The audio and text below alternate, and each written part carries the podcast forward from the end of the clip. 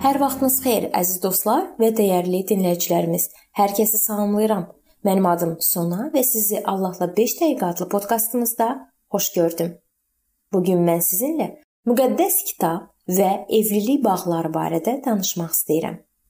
Müqəddəs kitabda belə deyilir: Yaradılış 2:24.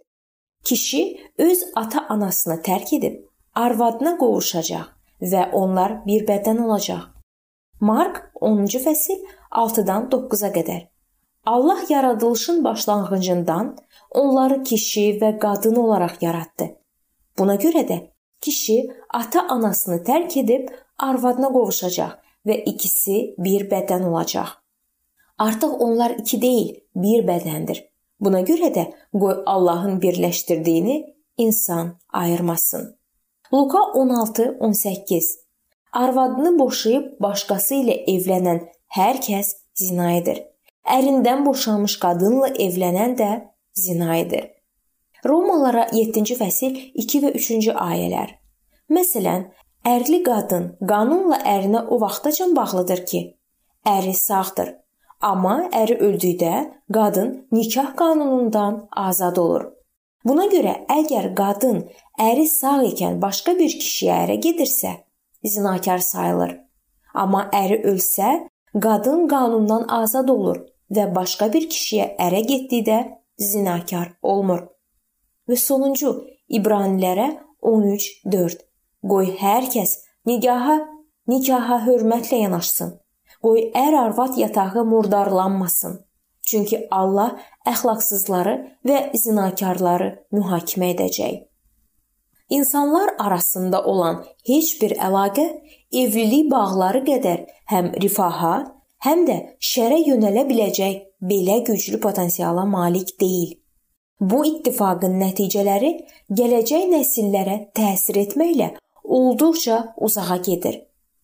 Kəbin yaradılandan insan üçün Allah tərəfindən düşünülüb. Bu, başqasının özünə sərf edən şəkildə daha rahat həyatı üçün dəyişə biləcəyi insan uydurması və ya təsisatı deyil. İnsanlar Allahın ailədə başçılıq və məqsədlə bağlı niyyətinə məhəl qoymadıqda, dərhal qırılmaz ailə bağlarını və Allah tərəfindən qurulan ittifaqın müqəddəsliyini məhv edən ideyalar yaranıb yayılmağa başlayır. Ayrılmaz parçası dərin hisslər olan ailə bağlarının təbiəti ona gətirib çıxarır ki, qadınla kişi arasında münasibətlərdə çətinliklər meydana gələn kimi çox vaxt güclü şəkildə Allahın nizamından qaçmaq arzusu yaranır. Belə anlarda insanların çoxu qərara alır ki, Allahın müqəddəs kitabda aydın şəkildə ishar etdiyi göstərişlərdən yayınmaq üçün qanunda boşluqlar var. Amma bu kimi itaətsizliyin olduğu yerdə bir qayda olaraq adamlar bəyan edirlər ki, necə addım atmağın lazım olduğunu Allahdan daha yaxşı anlayırlar.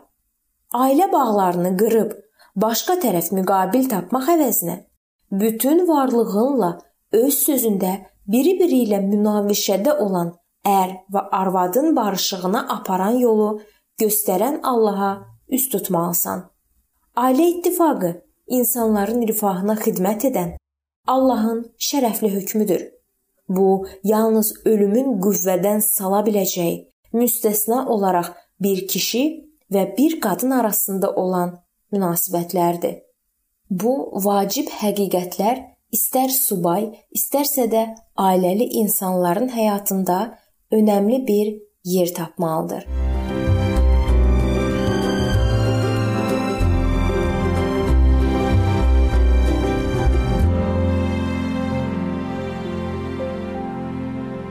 Beləliklə əziz dostlar, bu yerdə bu mövzu sona çatdı. Hər zaman olduğu kimi sizi dəvət edirəm ki, bizim podkastlarımızı Facebook səhifəmizdən və YouTube kanalımızdan dinləməyə davam eləyəsiniz.